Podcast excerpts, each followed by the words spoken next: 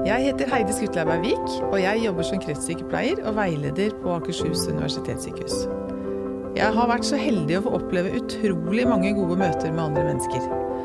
Er det noe jeg virkelig brenner for, så er det at alle som ser andre, selv må våge å bli sett. I helhjerta ønsker jeg å finne ut av hva er det som skal til for å skape de gode menneskemøtene. Helhjerta i dag så skal vi snakke om ferske foreldre og gravide som sliter med store rusproblemer. Dilemmaer i kø, det er hovedfunnet som Kjerstin Søderstrøm fant i sin doktorgrad i 2012. Og i dag så er Kjerstin Søderstrøm her hos meg i Helhjerta. Velkommen hit. Tusen takk. Eh, du er barnepsykolog, Det er jeg. og så er du psykologspesialist. Mhm. Og jobber halv stilling på Høgskolen Innlandet. Mm. Og halv stilling i stab psykisk helsevern i, eh, på Sykehuset Innlandet. Mm. Og dette her er en av dine Eller noe av det, det du driver mest med, eller? Dette med, med rus og gravide og ferske foreldre? Um, det jeg driver mest eh, med nå, er vel kanskje mer overordna det jeg kan kalle for det utsatte foreldreskapet og utsatte barn. Sånn at det ikke nødvendigvis bare rus som er trusselen mot eh, både den gode omsorgen og, og barnets eh, oppvekstbetingelser, men det kan også være andre belastninger, sånn som vold, fattigdom, utenforskap. Altså hvordan kan vi eh, gi best mulig start på livet for de mest utsatte små, og hjelpe foreldrene deres til å bli gode omsorgspersoner. Ja. Det er kanskje overskrifta på det jeg jobber mest med. Mm. Heftig. Ja. Mm. Men, men hvordan kommer dere borti de? Altså, hvordan får dere meldt disse tilfellene? Ja, ikke sant. Nå jobber jeg med det både i forskning på, på høyskolen, og da kommer jeg jo borti de ved at jeg finner eh, noen som har vært eller er i den situasjonen, som kan fortelle meg om dilemmaene, eller jeg snakker med eh, helsepersonell eller i kommunen sine omsorgstjenester om hvordan det er å jobbe med eh, den målgruppa. eh, hva de tenker er god jobb, hva som mangler, eller hva som, hva, de tenker hva som er god, god hjelp til de, og, og hvordan vi skal få til ting i lag, da. Og eh, i en sånn sykehussetting og i psykisk helsevern så er jo dette eh, De som kommer og søker hjelp hos BUP, sped- og småbarnstimene, de blir søkt inn til kanskje litt ekstra støtte og hjelp i, i eh, svangerskapsoppfølginga. Ja. Det kan komme fra eh, jordmødre i kommunehelsetjenesten. Eh, så det, det jeg jo er opptatt av som eh, fagperson, er hvordan vi kan eh, både fange opp behov så tidlig som mulig, og sette en type hjelp som er helhetlig og samordna nok, Mm. sånn at vi klarer å gi denne så god som mulig start Ja. for barnet. ja. Og så, og så har jeg jo snakka med deg på forhånd, så jeg veit jo også at du er, du er opptatt av dette å ta vare på barnet og barnets rettigheter og barnets muligheter. Mm. Men du er jo vel så opptatt av å ta vare på mammaen og pappaen Mm. og se på deres muligheter. For her må det jo være ganske mange grenseoverganger og ja, si litt om det. Ja. Ja, altså det, det er et sånt uh, sitat som veldig mange som er opptatt av tidlig utvikling, bruker. Det er fra Winnicott, og han sier 'there is no such thing as a baby alone'. Det fins ikke noe sånt som en unge uten å se på det i den omsorgssammenhengen som barnet er i. Vi kan, vi kan ikke forstå hva et uh, nyfødt barn trenger, uten å se det i sammenheng med hvilke utfordringer og muligheter har foreldrene. Det er foreldrene som er de som bærer barnet fram. De bærer barnet fram. Ei mor bærer barnet sitt fram i kroppen sin, men hun bærer det også fram i hodet sitt. I tankene om hvem skal dette barnet bli? Hvem skal jeg være for barnet? Kommer jeg til å få det til? Jeg kjenner at det rører seg. Gud, hvor rart. Jeg er både bare meg sjøl i min kropp, men det er jo en til der. Det er jo et helt en er egentlig en verdens vanligste, men mest, også den mest surrealistiske opplevelsen vi har. At man, er, Ja, at man går to. fra å være én til å bli to. Ja. Og, og som du sier, så er jeg eh, barnepsykolog i, i, i sinn og, og skinn, og har alltid tenkt på meg sjøl som, som barnets hjelper og barnets advokat. Men når man går inn i dette sped- og småbarnsfeltet, så blir det umulig å være barnets eh, gode hjelper uten å samtidig være foreldrenes beste allierte. Og så går det veldig ofte opp at det foreldrene ønsker, og det de gjør, eh, er også det som er det beste for barnet. Men som du sa i, i, i starten, så er det jo også de tilfellene hvor eh, foreldrene har vanskeligheter, har livsomstendigheter, har trøbbel i sitt eget liv, som kommer på tvers av det som vi tenker er det beste for barnet. Og da kommer denne stabelen av eh, dilemmaer som, eh, Ja. som er Den er høy. det er mange dilemmaer.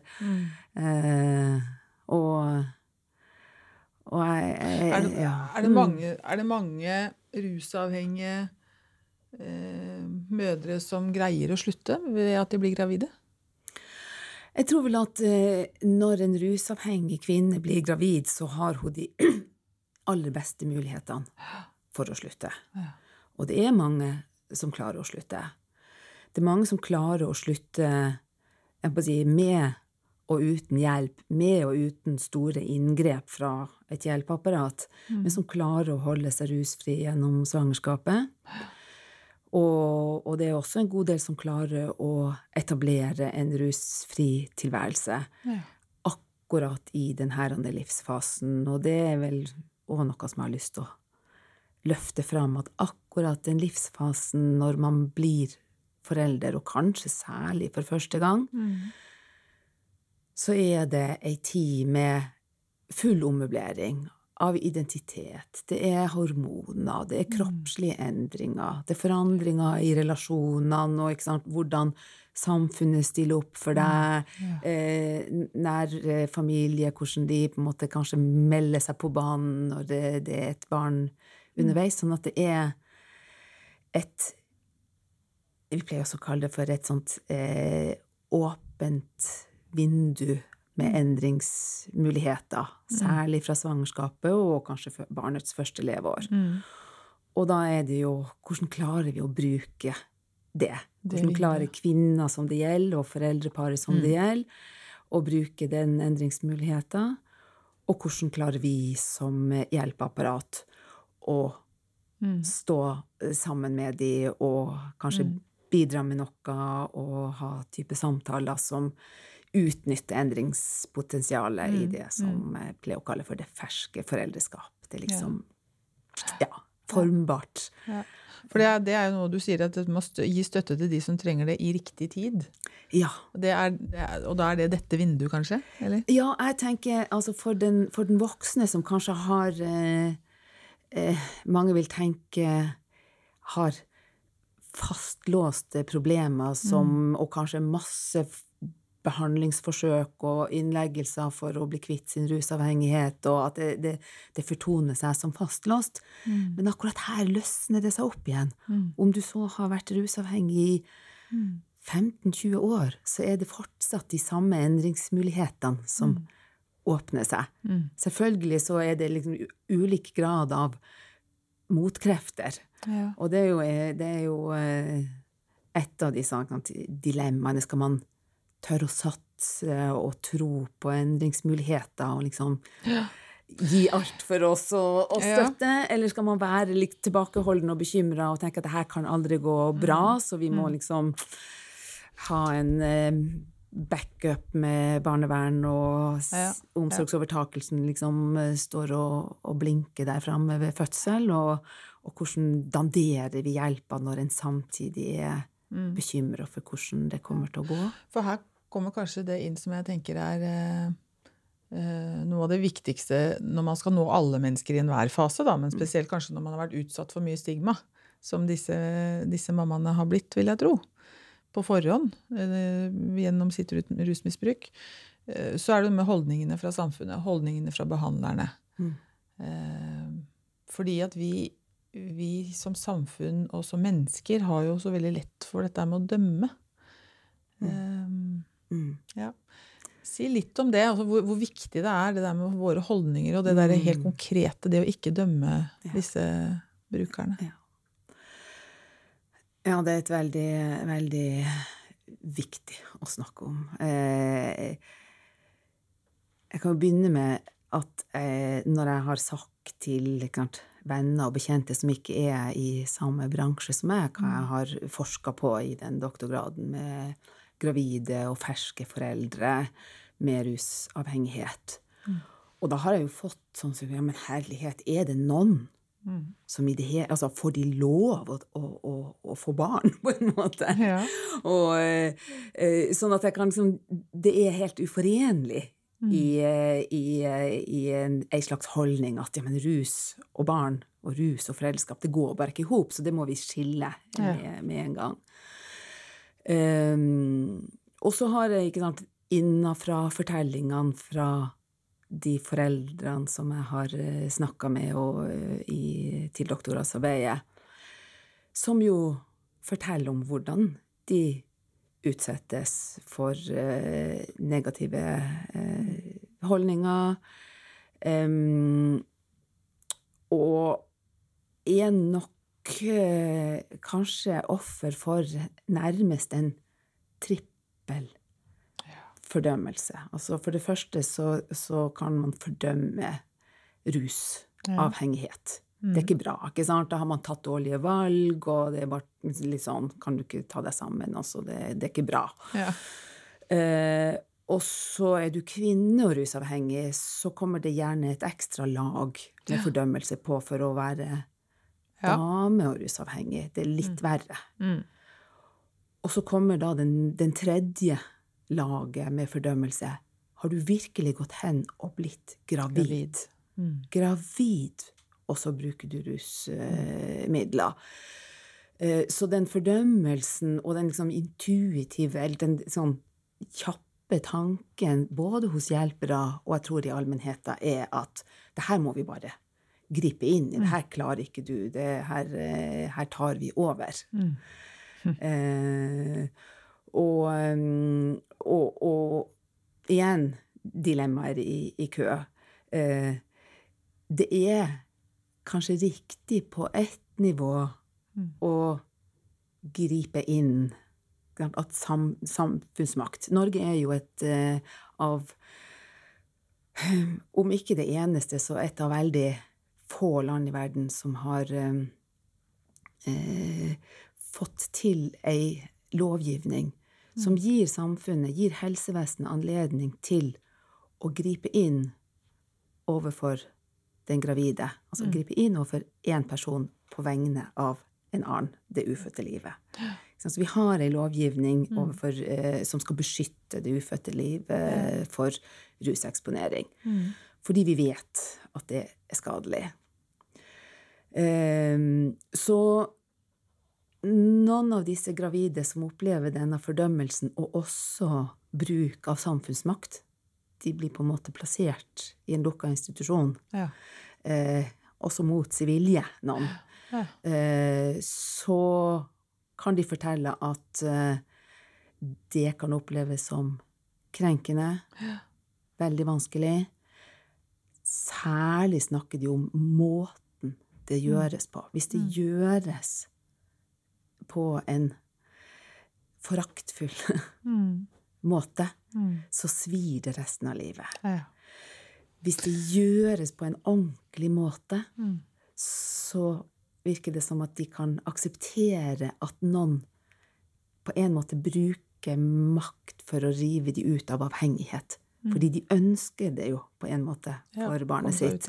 Men, men rusavhengighet er ei, eh, en, Det er sterke krefter. Ja, sterke krefter. Men, så derfor så lurer jeg på hva Har dere funnet ut noe gjennom din forskning og alle disse årene du har jobbet med det? Eh, hvordan er en akseptabel måte å gjøre det på? Hva, hvordan, opplever, hvordan skal vi være for at den rusavhengige skal oppleve det som respektfullt? Selv om vi må være bestemte og tydelige? Ehm, jeg tror at man må mm, Man må ta, ta i bruk eh, det man eh, Måten man er på for andre pasientgrupper. Hele tida eh, være lydhør for hva, hva tenker du, hva tror du? Hvordan vil du at vi skal gjøre det her for at det skal bli bra for både deg og barnet? Fortell meg om dine kvaler når du, når du kjenner at det er liv, og du ønsker ditt det aller beste for barnet ditt, og så kjenner du at du er i ferd med å, å, å, å revne av abstinenser. Og du vet at eh, løsninga på det alt som er vondt og uhåndterlig for deg, er et rusmiddel unna. Hvordan kan vi hjelpe deg? Hvis vi klarer i større grad å eh, eh, Ta de med? de må være med. De må ha akkurat de samme Om det, var- om det var en Jeg vet at du jobber med, med, med kreftsyke og døende. altså Der vil en Jeg innbiller meg at man vil spille på lag. Så lenge vedkommende er ved sine fulle fem, så, så er, vil man at pasienten skal være med og ta valg. Man skal ta hensyn til ønsker. Uh, man kan forhandle og si at dette er det vi kan tilby, men det, det er på de og de premissene. Altså at, at eh, en ikke bare tar over. Og jeg tror det er veldig lett å ta over. Eller ikke bare tror, jeg vet også, fordi at jeg har, eh, har lest rapporter som, eh, som undersøker Det er jo eh, sosiallovgivninga. Altså, det er ofte folk som jobber i, i Nav og sosialetat, som har den inngrepsmuligheten overfor gravide eh, rusavhengige. Og de sier det er på en måte lett å gjøre det måte maktinngrepet overfor den gravide, for det handler om et barn. Så vi er så villige til egentlig også ja. Vi går den ekstra mila som kanskje ikke er så bra? ja, ja, og man kan gå den litt fort. Ja. Fordi det føles hele tida som at det er, det er, det er tidsnød, og ikke sant Er det et skudd til, så kan barnet bli skadelidende. Ja. Men det å, å få lov å være med Dette er jo, forel- det er jo folk som skal være foreldre resten av livet. Som skal ta valg for seg sjøl og for barnet Ja. resten av livet. Ja. Så jeg tror at vi må liksom legge et grunnlag for ja. selvbestemmelse. Ja, for da, da tenker jeg liksom det med å være med altså dette er jo sam, det, det, blir, det blir nesten litt sånn inn i dette med å snakke om samvalg. ikke sant? Hvor viktig det er at vi, vi jobber sammen. Den, fag, de, de faglige og de det handler om. Eh, fordi her må det jo handle masse om å finne en mestringsplattform. Altså verdigheten må også ligge i, i noe mestring her. Ja. Tenker jeg. Ja, det er sikkert Jeg vet ikke, jeg, jeg hefta meg mest opp i det ordet du sa med Ja. verdighet. Ja. For jeg tror at uh, hvis man klarer å, å, å skape møter, til og med inngrep som er prega av respekt Mm. og verdighet, hvis at den det gjelder, føler seg forstått og sett og respektert og behandla som et likeverdig menneske, Mm. som den som griper inn, eh, så tror jeg kanskje flere kan ta imot den hjelpa, også der det er tilbakehold. Altså at vi blir enige om at du får ikke lov å reise med en gang. Abstinensene river i deg. Er det greit at vi lager den avtalen at det må gå så og så mange dager før du kan få bestemme sjøl? Mm. Hvis, det, hvis det vedtaket fattes med utgangspunkt i at den eh, gravide skjønner at de vil meg godt, de syns at jeg er et ok menneske, jeg er like stor i deres øyne som kollegaen, som menneske, så, så eh, tror jeg vi kommer et eh, Ja, vi får gitt bedre hjelp, og det blir lettere å ta imot. Og, Og, men for all del, jeg, jeg syns jeg hører de som jobber med det her, og, Ja, og som ja. hører oss snakke og sier du, men Kjerstin Kjersti, du vet hvor vanskelig det er. Ja. Du vet hvor mange kamper vi må stå i. Eh, og, og at vi noen ganger bare må bruke liksom makt og myndighet for å passe på Ja. Den, den, det barnet som skal komme. Mm. Og, eh, og Hvordan, hvordan er det når de, når de må ta barnet bort etter fødsel? Ja. Er det sånn da at man, man tar det bort med en gang, eller får mor lov til å være med barnet sitt litt? Eller hvordan, hvordan gjøres det der? Ja, det er jo Det er jo en annen ting som jeg både har jobba med og undersøkt, og, eh, og, og det har jeg gjort med utgangspunkt i at jeg jobba i BUP sitt sped- og småbarnsteam i mange år og hørte om nei, den saken endte med en omsorgsovertakelse like etter fødsel. Men så snakka vi aldri om hva som egentlig foregikk. Mm. Hvordan det skjedde, når barnet ble tatt, hvem som henta barnet, visste mora og faren det på forhånd? Uh, og så når jeg da begynte å spørre, Mm. så dukka det jo opp eh, veldig dramatiske hendelsesforløp Ja. hvor eh, det i mange tilfeller eh, skjedde at barnet ble henta få timer etter fødsel uten at den som hadde født, var klar over at det kom til å skje. Uff a meg. Og noen gang for Med tanke på å sikre Ja. barn at det ikke skulle bli eh, si at eh, foreldre og, og, og barnevernet sto og sleit i en bylt inne, på, inne på, på pasientrommet, så hender det, har i hvert fall hendt, Mm. eh, at eh, barselpersonalet blir bedt om å gå inn i rommet og si nå skal vi bare ta ei siste veiing før dere skal reise hjem, eller barnelegen vil se på barnet. Og så kan det være situasjonen som eh, de da gir, henter barnet på rommet og gir barnet til barnevern, og så kommer barnevernet inn og, som de kaller det for, forkynner vedtaket Ja, om en Altså, i barnevernslovgivning så heter det et eh, akutt eh, vedtak om tilbakehold. Det betyr at man hindrer at foreldrene kan ta barnet med seg fra en helseinstitusjon og reise hjem. Men Det eh, er så forferdelig. det, det, er, det er klart at eh, den som har eh, født et barn og vet hvor Igjen tilbake til den åpenheten og den sårbarheten som er i den livsfasen, og så oppleve det her, setter jo spor for livet og skaper ei kløft av mistillit til, til hjelpere. Så, eh, så det Og da faller, faller vi i hvert fall fort tilbake, vil jeg tro, til rus. Faren for oss å falle tilbake i rus er stor, og, og der det ikke nødvendigvis er rus, men kanskje det er andre grunner til at barnet blir, eh, blir tatt etter fødsel, så er det i hvert fall internasjonal forskning som også ser at det er veldig mange som får et nytt barn, og som kanskje blir tatt på nytt igjen. sånn at det er mange, som, mange i den gruppa som har mista mange barn eh, på samme dramatiske måte, og som gjør meg eh, opptatt av hvordan kan, Jeg er helt sikker på at det er tilfeller hvor det kan forsvares at det skjer brått og uforberedt. Eh, men når det skjer, så må de som mister barnet på den måten, eh, sikres ei god oppfølging.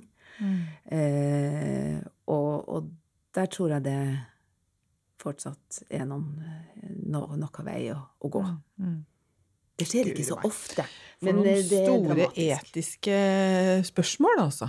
Ja, det er det. Ja, eh, fordi du, du har jo mange år sittet i Psykolog, Psykologforeningens menneskerettighetsutvalg mm. her i Norge. Mm. Og så er du Du sitter også i Europeisk menneskerettighetsutvalg. Mm. Hva gjør du der? Mm. Altså, jeg regner med at noe av dette her blir tatt, Ja. tatt opp også der? Ja.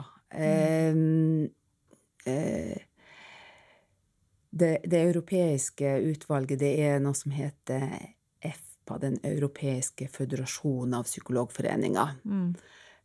som har oppretta et eh, sånt menneskerettighetsutvalg som begge, på begge nivåene så handler det om å eh, bidra til at psykologisk praksisvirksomhet eh, er menneskerettighetsbasert. Mm. Eh, altså at vi har en bevissthet om hva menneskerettigheter er. Og eh, kanskje eh, løfte Altså tydeliggjøre sammenhengen mellom eh, disse menneskerettighetskonvensjonene og systemene og, og fagetikken, og hvordan dette kan på en måte være gode verktøy i psykologisk arbeid. Um, og min eh, oppgave i de to utvalgene har jo da Jeg, går alltid inn i, i fagsammenheng som barnepsykologen. Mm, mm. og da eh, ser jeg på ulike situasjoner som eh, barn Hvor man tenker at barn, barns rettigheter blir brutt. Eh, og se på hvordan kan vår psykologkunnskap være med å synliggjøre konsekvensen av de lovbruddene.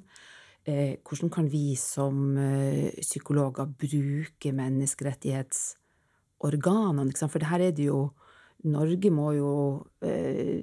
Man etterses eh, av de internasjonale liksom, organene om vi følger menneskerettigheter, og der er, kan vi psykologer være litt sånn lobbyister og, og, og bringe inn argumenter. Mm. Eh, sånn at det er, det er som, som barnepsykolog så jobber man ikke sant, i, i eh, direkte kontakt med pasienter. Man kan jobbe med å påvirke helsevesenet og systemene. Men man kan også liksom endre praksiser via Mm. menneskerettighetsorganene. Som for eksempel eh, eh, ivaretakelse av Altså jobber eh, kanskje i disse sammenhengene mer med flyktningebarn. Ja. Eh, og hvordan eh, praksisene, eh, norske praksiser er med å bryte eh, barnets beste prinsipp. Og, men, men også i det, dette arbeidet med å sikre god hjelp til de minste, så, så har vi i Sykehuset Innlandet har vi eh, utvikla det vi kaller for eh, ei behandlingslinje for gravide, spede og små barn og foreldrene deres med psykososiale belastninger. Og der har vi satt Det første prinsippet er et barnets beste-prinsipp. Så at all hjelp som vi skal gi, skal være i tråd med Barnekonvensjonen siden prinsipp om at man har gjort ei barnets beste-vurdering. Mm. Men når Du skal få si mer om det, men jeg, jeg bare, mens du er på det, jeg syns det er så spennende å vite Mm. når, når er barnets beste å være sammen med mor, eh, kontra Altså hvor mye rus skal man tillate, da? Ja. Skjønner du? altså hvor, hvor går grensen? Skal det være hvor, hvor går grensen for hva som er barnets beste? ja. Eh, det eh, Herlighet, du må ikke spørre så vanskelig. Hvor, hvor går grensa for hva som er barnets beste? I, altså, menneskerettighetene er jo det er individets rettigheter, og det er en måte å beskytte individet, og gjerne beskytte og sørge for at det ikke er statlig eller systematisk eller forvaltningsovergrep eh, mot eh, individet. Eh, og når du, eh, når du spør om hva er barnets beste hvis eh, la oss si begge foreldrene ruser seg, så tror jeg at det er en god bruk av eh, ei barnets beste-vurdering å si at eh, en ruspåvirka forelder er ikke bra Nei. for barnet. Er det, det, man kan ikke forsvare at eh, foreldrene er, er rusa, og, og si at ja, men det, det, det er på en måte uforenlig med, med barnets beste. Ja. Men så kan vi dra det videre og så si at eh, Ja, la oss si at dette er en, en, en innvandrerfamilie hvor eh, storfamilien er veldig viktig, og, Mm. og gruppetilhørigheten til sin minoritetskultur er viktig. Mm. Er det da barnets beste å plukke det barnet fra de foreldrene som ruser seg, og setter det i et fosterhjem? Mm. Hva, hva skjer da med Mm. identitet? eh, Hva bryter man opp?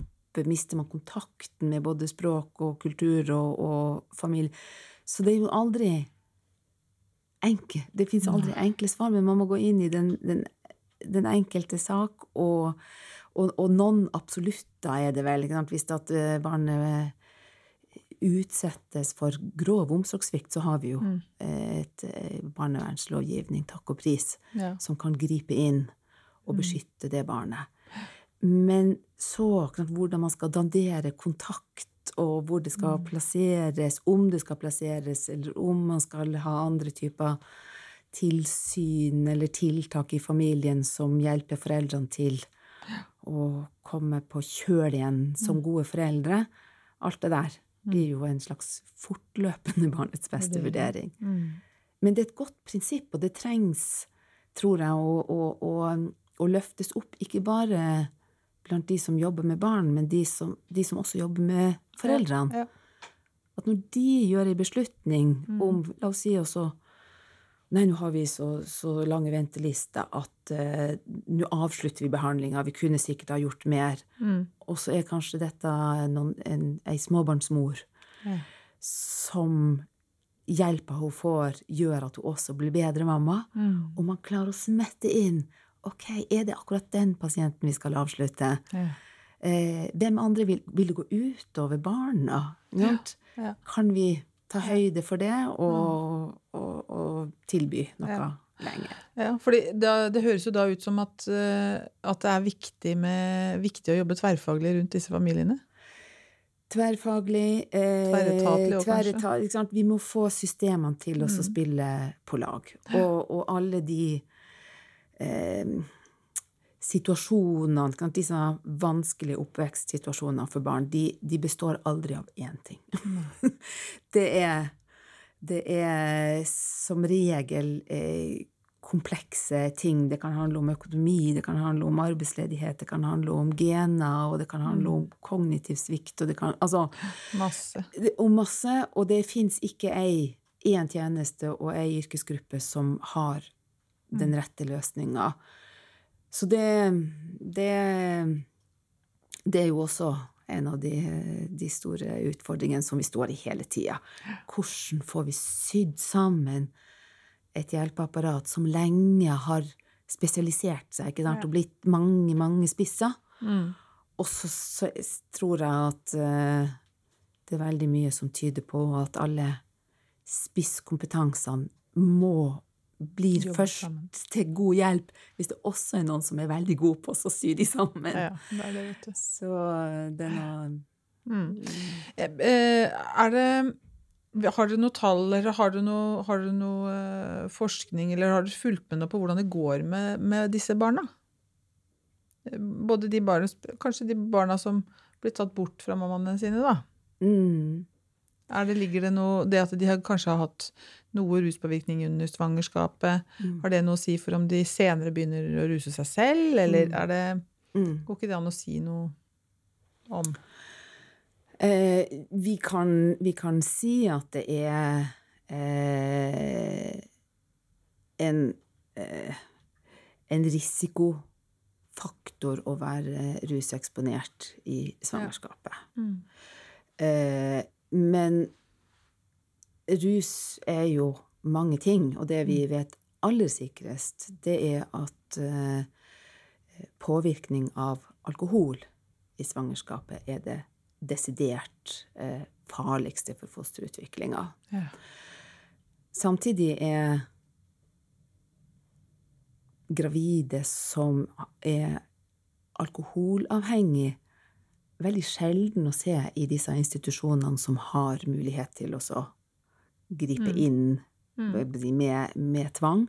Det er på en måte kanskje det man kan kalle ja, mer narkoman, gatenarkomane, de som er synlige for hjelpeapparatet, Ja. de blir også både, jeg kan si både utsatt for, men også får den hjelpa. Så Ja. det er jo et tveg av det også. Ja. De som, eh, som drikker altfor mye vin, men har eh, Det ser ut som at det er på stell litt sånn Ja. på avstand. Ja. De går gjerne under radaren. Ja.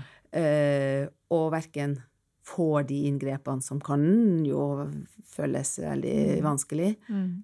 men kanskje heller ikke får den hjelpa. Og da kommer vi tilbake til det med, med stigma, at uh, er, det, er du et, et synlig problem, og da har du gjerne problem på flere områder, Ja. Ja. så kan samfunnet både yte hjelp og, og gripe inn, mens uh, hvis du ikke er så synlig, så, så kanskje de ikke får hjelp. Men, uh, men eh, jeg har sittet i en sånn arbeidsgruppe som har revidert retningslinjer for legemiddelassistert rehabilitering for eh, gravide og kvinner i fertil alder. Og det var mye arbeid med kunnskapsgrunnlaget. Hvor farlig er egentlig ulike typer uh, rus eh, for fosteret, og hvilke konsekvenser har det for barnet. Og det er nok en, ganske mye som tyder på at uh, det, det påvirker spedbarnet til å være litt dårlig regulert, altså hypersensitivt, og tåle lite stimuli før det blir overbelasta, og kanskje Altså, det, det blir et, vans, et vanskelig barn å roe og, og, og regulere. Eh, og så finner man noe eh, konsekvent Noe påvirkning av syn. At dette, dette ja. må liksom undersøkes. Altså, Ja, ja. Det, Mhm. eh, det, det er det jeg har på en måte tatt med meg. Men men det, det går jo veldig bra med de aller fleste. Ja. Eh, sånn at diskusjonen er jo også hvor Altså, det er også mye forskning som sier at det er vanskelig å isolere konsekvensen av rusmidlet fra alt det andre. Ja. Alt Miljøet. som er belastende, altså belastninger i livet, dårlig kosthold og ernæring, vold, stress, eh, angst, ting som eh, Sånn at det med, med å ha det dårlig i livet, det, det kan eh, påvirke fosteret. Og så er det noen resultater som peker på at det, det er Vi vet at det er uheldig eh, å, å utsettes for eh, rusmidler i fosterlivet. Ja. Men det, der er det igjen et dilemma. ikke sant? Hvor, hvor høyt opp på banen skal man gå? og, og hvor stor eh, eh, inngripen forsvarer Mm. den kunnskapen som er helt sånn såkalt inkonklusiv. Den er liksom fortsatt litt åpen eh, på hva er langtidseffekter og, og sånn. Og hvor mye kan vi på en måte holde fast på at for å beskytte barnet, så er det lov å gå ha dramatiske inngrep i kvinners liv og levnet. Med å ta dem bort. Ja, ved å, å tvangsinnleggelse. Nå nå sitter jeg også og, og, i ei arbeidsgruppe som skal utrede om barnevernet bør få et utvida ansvar for det ufødte liv. Vi har den lovgivninga som gjelder gravide rusavhengige. Men i fagfeltet så lurer man da på om burde ikke barnevernet få anledning til å begynne å jobbe med den gravide Ja. for å styrke foreldreskap, for å være sikker på at hun ikke har en, en måte, livsførsel som kan skade barnet.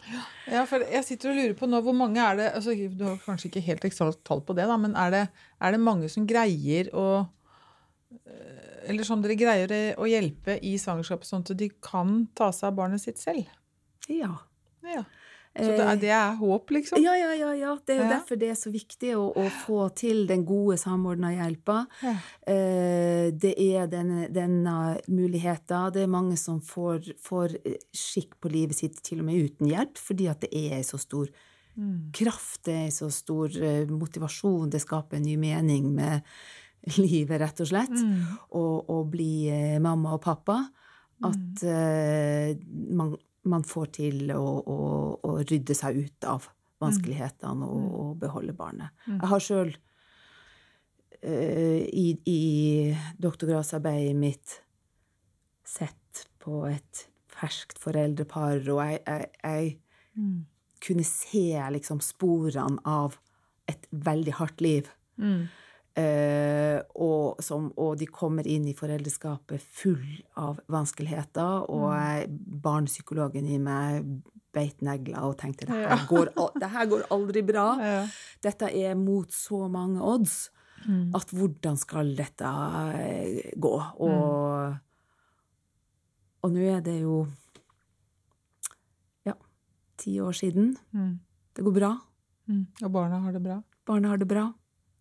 Foreldrene har tatt videreutdanning, Mm. har jobb, Flott, fikser altså. livet. Altså det er sånn at Ja. man blir på en måte satt på plass Ja, av livet sjøl. Man, treng, man trenger liksom å høre noen sånne historier, tenker jeg. Fordi jeg, jeg må jo si at jeg også har, sitter med den, litt den holdningen at jeg tenker at det, eh, Er det så er det så inn i tiden nå at vi skal også tenke på foreldrenes beste? Eh, at vi Mm. glemmer litt barnet? Eller, eller er det motsatt? Eller har man funnet denne balansen, da? For jeg tenker det her handler jo om det med balanse mellom toleranse av å ikke være A4, for det tenker jeg vi må ha en større toleranse om i samfunnet generelt. Mm. Det er en toleranse som må bli større, samtidig som at må, altså man må ha en balanse her. Mm. Jeg tror ikke at tidsånden er at man eh, eh, er for mye på foreldrebanehalvdelen. Nei. Eh, selv om ja, vi kunne ha snakka om disse menneskerettsdommene eh, mot barnevernet, og, men, men, men jeg tror nok at tidsånden er mer å si, redde Joppe død eller levende, altså beskytte Mm. barnet. Mm. Eh, og så er da min eh, kontinuerlige faglige utfordringer som vi diskuterer mye. Hvordan kan vi holde begge i mente? Hvordan kan en både gi god hjelp til foreldre, samtidig som vi er sikre på at deres vanskeligheter ikke går utover barnet. For det med tidlig hjelp til barnet er jo det andre på denne mantraet i denne behandlingslinja. Mm. Barnet Hjernen former seg etter erfaringer. Det som skjer tidlig i livet, bærer man med seg. Mm. Resten ikke som en, en, en, en dom, men som en struktur som, som legges tidlig. Og det også å sikre at de får de beste betingelsene, er jo kanskje igjen barnets beste vurderinger tilsier at det må veldig høyt opp. Men om vi kan få til å holde Finne denne eh, både og-løsninga. Mm. Mm. Det Ole Brumm, her syns jeg vi, vi må, vi må tenke, tenke Ole Brumm. Ja. Mm. Det syder respekt når du prater. Det er jeg glad for å høre, Mm. i så fall. Ja. Eh, Jeg kjenner veldig på, sitter veldig og kjenner på det nå.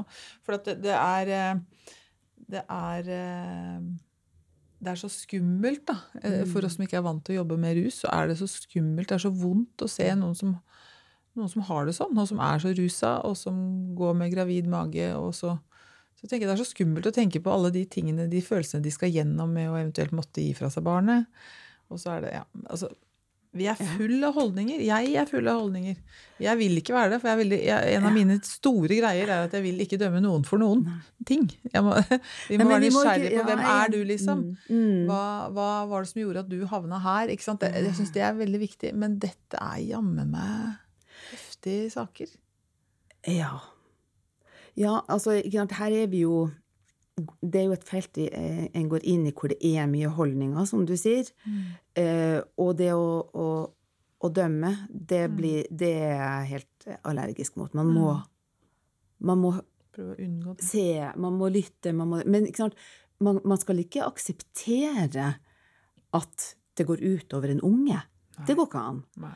Eh, så um, Og vi går inn i, i, i denne problematikken ikke bare med ikke sant, Holdninger er en ting som vi må holde styr på, og da trenger vi å ha gode kollegaer å snakke sammen med. Vi må på en måte også tørre å, å, å, å brette ut å sant, og finne ut av hvordan holdninger var. Vi vet jo ikke det engang sjøl. Eh, de bare popper opp og, og, og gjør seg gjeldende. Men vi går jo også inn i dette feltet med masse kunnskap. Kunnskap om, om tidlig utvikling, barnets tidlige utvikling, som er en sånn eh, begeistringskunnskap, fordi man, har så, man vet så mye om tidlig utvikling, og hvor fantastisk eh, mange kompetanser et eh, lite barn har, og hvor viktig det er med en sånn brukbart eh, god omsorg. Og så kommer bekymringa for når da den omsorgen, man tenker at den omsorgen ikke holder mål. Og så kommer holdninga liksom å flette seg inn i det igjen. med sånn, hvor, hvor god forelder må man være? Og da har jeg liksom lyst til å ikke bare snakke om rusavhengighet, for jeg tror rusavhengighet og god omsorg er veldig vanskelig å kombinere. Det er i hvert fall vanskelig å kombinere en god, stabil omsorg. Det kan være nydelig og masse varme og flott i perioder, men så gjør jo rusen at foreldrene blir borte. Ja. Og den gjør at foreldrene blir annerledes og uforståelig, sånn at en oppvekst med en rusavhengig forelder er også en oppvekst med en uforutsigbar omsorgsperson, som er litt av og på, og som feider bort, og som Altså, Ja. så det blir vanskelig for barn å, å, å, å nyttiggjøre seg og lage seg et ordentlig bilde av Ja. hvem er jeg, og hvem er du, og hvilken relasjon har vi egentlig? Men, og det er jo det som også blander seg kanskje inn i holdning og kunnskap, blir jo tullballer seg inn i en annen iblant også. mm. At bekymringa for hvordan dette skal gå, og holdninga om at herrene kommer Ja. jo ikke til å, å gå, kan komme i veien for å, for å bli en konstruktiv Hjelper. hjelper. Men det er vel derfor kanskje at eh, hovedfunnet ditt var at det er dilemmaer i kø. Det er dilemmaer. Det er det. Og det er jo mye i livet som er dilemmaer. Vi må bare være gode til altså, Og jeg tror jeg også skriver om at dilemmaer Og jeg skriver også mye om ambivalens. Eh, det er ambivalens også i hjelperen. Det, det å eh, være, ha et rusavhengighetsproblem og bli forelder. Det er en ambivalent situasjon. Jeg husker jeg intervjua ei, og så sa hun ja, det er jo vanskelig å måtte gi slipp på det kjæreste man har. Så Da tenkte jeg at ja, men nå snakker hun om barnet som det kjæreste. Nei da, hun snakka ikke om barnet, hun snakka om rusen. Rusen var det kjæreste hun hadde hatt inntil da, som hun måtte gi slipp på. Det var rusen som hadde hjulp, altså egentlig hjulpet henne til å overleve dit hun var per i dag. Eh, så um, Greide hun det? du, det er mange av de jeg møtte i arbeidet mitt som jeg ikke vet om de greide det eller ikke. Nei. Det, og jeg spurte, jeg spurte også alle de som var erfarne behandlere, eh, hva er det med de foreldrene som pleier å greie det? Ja. Og de som faller tilbake og ikke klarer å fylle foreldrerollen og fri seg fra rus. Og jeg fikk aldri en ordentlig svar. Ja, det spør vi oss også. Ja. Noen ganger så er det den som protesterer villest, som kanskje også har tilstrekkelige krefter til å stå imot rusen, og ikke bare disse behandler eh, gode hjelperne som hun ikke vil ha inn i livet. Eh, andre ganger så er det den som virker fornuftig. Så de hadde De syntes det var vanskelig å vite hvem. Det er også litt spennende, da. At det er på en måte ikke noe oppskrift. Mm, mm, Det, det gir jo egentlig alle et håp, tenker jeg, som er i den situasjonen der. mm. At det behøver ikke være Du må ikke være sånn eller sånn for at, du skal, at vi skal satse på deg. Nei. Jeg tror det hjelper å ha et eh, et nettverk som har liksom som man har klart å holde på. Et rusfritt eh, Noen som er, er glad i deg, som står ved din side. Eh, og det er jo et problem med langvarig rusavhengighet, at man på en måte sliter ut og bruker opp på det nettverket som ikke er knytt til rusen. Det, det forvitrer, og ja, Og man skyver vel gjerne litt unna òg. og skyver, ikke sant, det er, er sånne mekanismer. Og så, eh, når man da skal rive seg løs fra rusen, så blir man alene. Og det vet vi også, at alle som blir foreldre, de trenger å ha noen rundt seg. Ja. Eh, og så har de ingen. Mm. Som ei som sa det at ja, hva skal jeg gjøre da? Skal jeg gå inn med barnevogna i en, Mm. en kafé og så rope 'hei, er det noen som har lyst til å bli vennen min'? Mm. Fordi det er ikke så lett å finne seg nye venner når du er Nei. 30 år og kanskje har hatt et eh, liv utafor det her Mm. eh, samfunnshjulet som surrer og går innafor eh, ja. Miljøet. Mm. Eh, Kjerstin, dette er jo Vi snakker jo om disse helhjerta møtene, og du har jo sikkert opplevd mange av de. Er det spesielt sånn møte du kan eh, komme på som har liksom betydd noe ekstra for deg gjennom jobben din?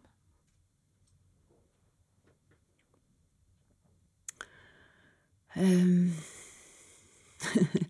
jeg, gjennom jobben Du vet, jeg har jobba veldig lenge, så det er mange, mange gode møter, og, og jeg, jeg tror jeg har lært mye av min læremester, som var en eh, barnepsykiater som heter Hasse Lindå, som sa at det er ikke jeg som lærer de barnepasienten min, det er de som lærer meg ting hele tida. Ja.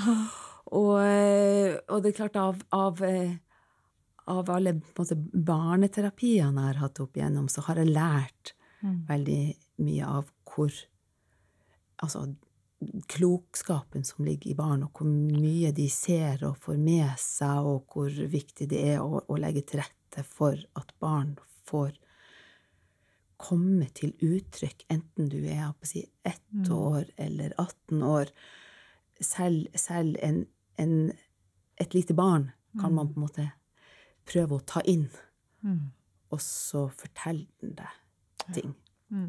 Så hvis jeg skal trekke fram ett sånt møte, så var det en to og et halvt åring jeg gjorde en sånn utviklingsutredning Mm. hvor du skal løse eh, forskjellige oppgaver. Og i den så var det en bil, liksom, som jeg sier, kan du ta den røde bilen, og så kjører du den, ikke sant, og så finner Ja. du den røde plassen, eller noe sånt. Mm.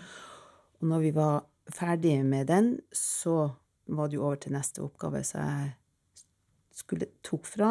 Han strakk ut armen og tok eh, Skulle få tilbake bilen. Det ville jo denne lille gutten ha, Ja. så han sa nei. Nei. Og så prøvde jeg å forklare, og så kom han med et eh, aggressivt uttrykk Mm. som skremte meg, Mm. eh, og som lærte meg at den Altså, han lærte meg i den situasjonen det som vi på en måte teoretisk i type tilknytningsteori sier, at mønstrene av omsorgserfaringer setter seg i barnet, Mm. og man kan på en måte avlese noe av atferden på hvordan det er blitt behandla. Sånn at han fortalte meg at du har blitt trua, du har blitt redd, Mm. du har lært deg å på en måte vise vilje, eller sånn voksne har vært truende overfor deg, for det var et så rart Mm. barneuttrykk. Han hadde lært det noen, noen plasser. Mm. Mm, Spennende yrke. Spennende. det er spennende yrke. Ja, det er det. Eh, hadde du blitt det igjen hvis du hadde du valgt å bli psykolog, barnepsykolog igjen? Hvis du skulle velge på nytt? Det tror jeg jeg kan si helt med en gang ja på. Ja. Det tror jeg. Så bra. Jeg hadde, jeg hadde tenkt, når jeg studerte, så var det liksom litt kulere å være voksenpsykolog, da. Sånn at Ja. jeg tok eh, eh, eh, hele jeg si, fordypningsdelen av embetsstudiet og øvde meg med å, å være voksenterapeut. Men så var det tilfeldigheter som gjorde at jeg måtte ha praksis på BUP på Haukeland i Bergen. Ja. Sånn at jeg var innstilt på å jobbe med voksne, og så havna jeg der. Og da sa, da sa det bare klikk. Dette er for meg.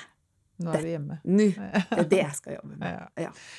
Eh, Kjerstin, hvis du skulle gitt deg sjøl et, eh, et råd tilbake til da du var 18 år, hva hadde du hatt behov for å høre, tenker du? Hva skulle du sagt til kanskje Kjerstin 18 år?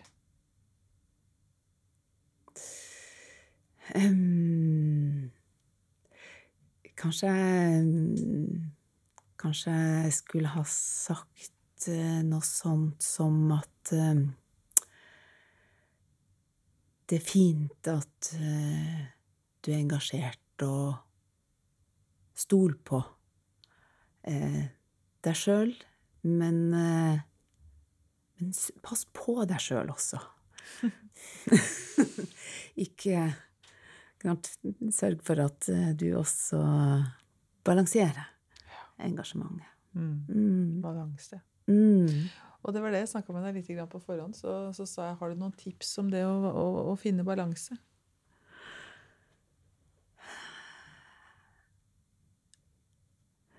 Altså, jeg, jeg, har gått til eh, sånn eh, kollegaveiledning for å mm. få balanse, og hun sa sånne enkle ting. Mm. Og, og, det er klart det er lett også å tipse eh, om enkle ting. Det er ikke så lett å følge det, men, jeg, men det er veldig velmenende. Døgnet må du dele inn i, i tre. Ja. Det er en del arbeid, mm. og så er det en del rekreasjon, det som er påfyll, og så er det en del hvile. Ja. Så du deler det inn liksom med åtte timer hver, så er det en balanse. Og det, det åh, ja, Det kunne jeg sikkert ha sagt til meg sjøl som, som 18-åring også. Husk på at du skal dele døgnet ja, ja, i tre. Kjedelig å sove, da. Hva? Veldig kjedelig å sove. Men det er veldig nødvendig. Så, men, men, jeg tror nok at, eh, at uh, engasjement og, og, og ivaretakelse av seg sjøl og liksom mm. lande og, og, koble av og være med venner og familie og liksom ta vare på det som fyller, fyller på. Mm. Det tror jeg er viktig, kanskje for alle hjelpere. Fordi ja, det er vanskelig å skille hjelp Altså, jeg tenkte også det Jeg er nok en, har en, en type hjelperidentitet som kommer fra et eller annet. Dypere sted enn kanskje til og med psykologutdanninga mi. Ja. Det kom før det. Eh, og da blir eh, jobb og denne ellers det, det, det, flett, det, går i, det, går litt sammen. Så det mm. Jeg er enig i den der, altså. Kjerstin, tusen takk for at du kom hit eh, til Helhjerta. Eh, du har så masse kloke, kloke betraktninger. Vi kunne sikkert snakka lenge. Eh, lykke til videre i ditt arbeid for barns rettigheter. Mm. Tusen hjertelig takk. Det var fint å være her. Takk skal du ha. Helhjerta er en podkast fra Kompetansebyråen. En digital plattform for samhandling og kompetansedeling i helsetjenesten. Personer som blir omtalt i pasienthistorier, er enten anonymisert eller har gitt samtykke til deling.